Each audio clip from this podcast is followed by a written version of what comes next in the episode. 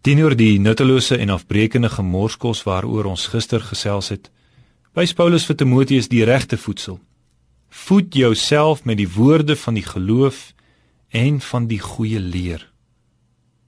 Op verskeie ander plekke in sy briewe aan Timoteus praat Paulus ook van die gesonde leer. Ja, die evangelie is voorwaar 'n goeie leer wat gesond maak en gesond hou deurdat dit mense tot geloof in Christus bring. Dit is nou vir jou gesonde, heilsame kos. Dit is nou kos met voedingswaarde. Hiervan kan jy lewe. Eet daarom hierdie kos. Dis presies hierdie opdrag wat die profeet Esegiel in sy boek ook ontvang het. Esegiel sien 'n in 'n visioen 'n hand en in die hand 'n boekrol. Vervolgens word die boekrol voor Jesegiel uitgesprei. Hy moet dit lees. Dis aan beide kante beskrywe met klaagliedere en gesug en wee. En vervolgens moet Jesegiel dit uit sy kop uitleer en aan die volk oordra? Moet hy dit saamvat en uitrol en voor die oë van sy publiek voorlees? Nee, hy moet dit eet. Mense kind, laat jou buik eet en vul jou ingewande met hierdie rol wat ek jou gee daardie onverteerbare ding van diervelle of van papirus moet deur die arme profeet verslind word. Dit wys dus vir ons dat daar met God se woorde iets spesonders moet gebeur.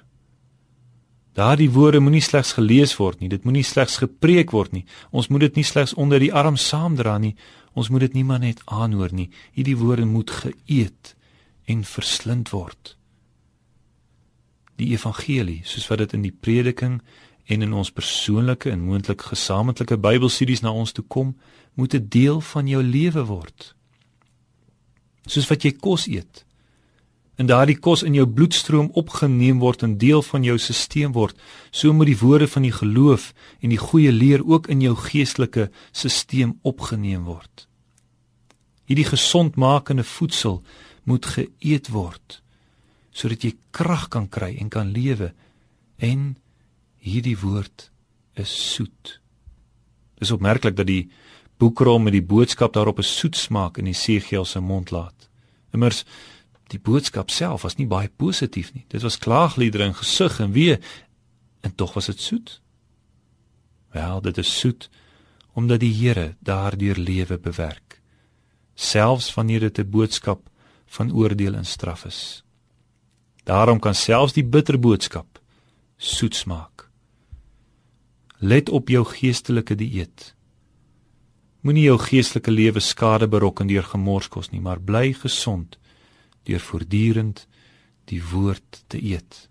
Amen.